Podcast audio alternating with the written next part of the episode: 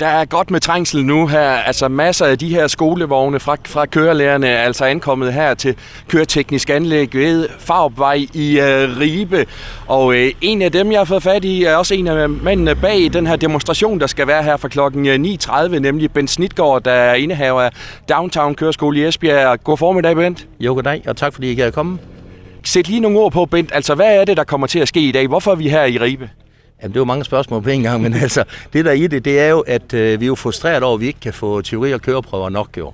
Og øh, nogle steder kan de få, andre steder der er det fuldstændig lukket. For eksempel i Esbjerg har vi ikke haft trailerkøreprøver de sidste to måneder. Så alene jeg har 25 mand stående på listen. Vi kan ikke få prøver til øh, vores normale elever heller ikke, og når det endelig kommer prøver, så er det så få prøver, der kommer, så de er væk inden for 5 sekunder. Og vi bliver kimet ned af elever, som ikke kan forstå, at de ikke kan få prøver. De tror, det er vores skyld jo. Så det er det, vi er super frustreret over. Er det en udvikling, der har eskaleret, altså det her med, med ventetiden? Ja, før i tiden, da politiet havde det, der var problemet i København og på Sjælland jo. Nu har de, forsøg, nu har de lykkedes at få det til at være landsdækkende færdselsstyren. Det er også det eneste, de har præsteret indtil nu. Det er, at de har lavet problemer, der er landsdækkende.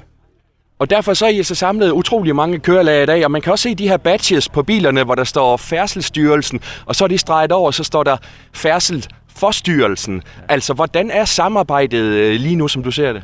Jamen, for færdsstyrelsiden af, der synes de nok, det kører rigtig godt, men det er de også det eneste, der synes, siger så. Fordi de snakker, de snakker, de snakker, de er rent politisk, det de kommer med. Der er ingen hold i deres indhold. Der er hverken prøver eller noget som helst. Der er ingenting, der, forvirrer efter, eller der fungerer efter færdsstyrelsen overtaget det. Og hvad er det så, der kommer til at ske her, Bent, fra, fra klokken 9.30? Vi er samlet ret mange mennesker her nu på Farvej, men så er det noget med kolonnekørsel. Ja, vi kører så kolonnekørsel om til Sårsiervej, hvor Færdselsstyrelsens hovedkontor ligger over. Og så holder vi noget taler derovre, og så håber vi der på, at Brian Paus, som er vicedirektør for det område her, han måske kan se et par bevingede ord om, jo, selvom det er tvivl, skal på. Men det håber vi da lidt på.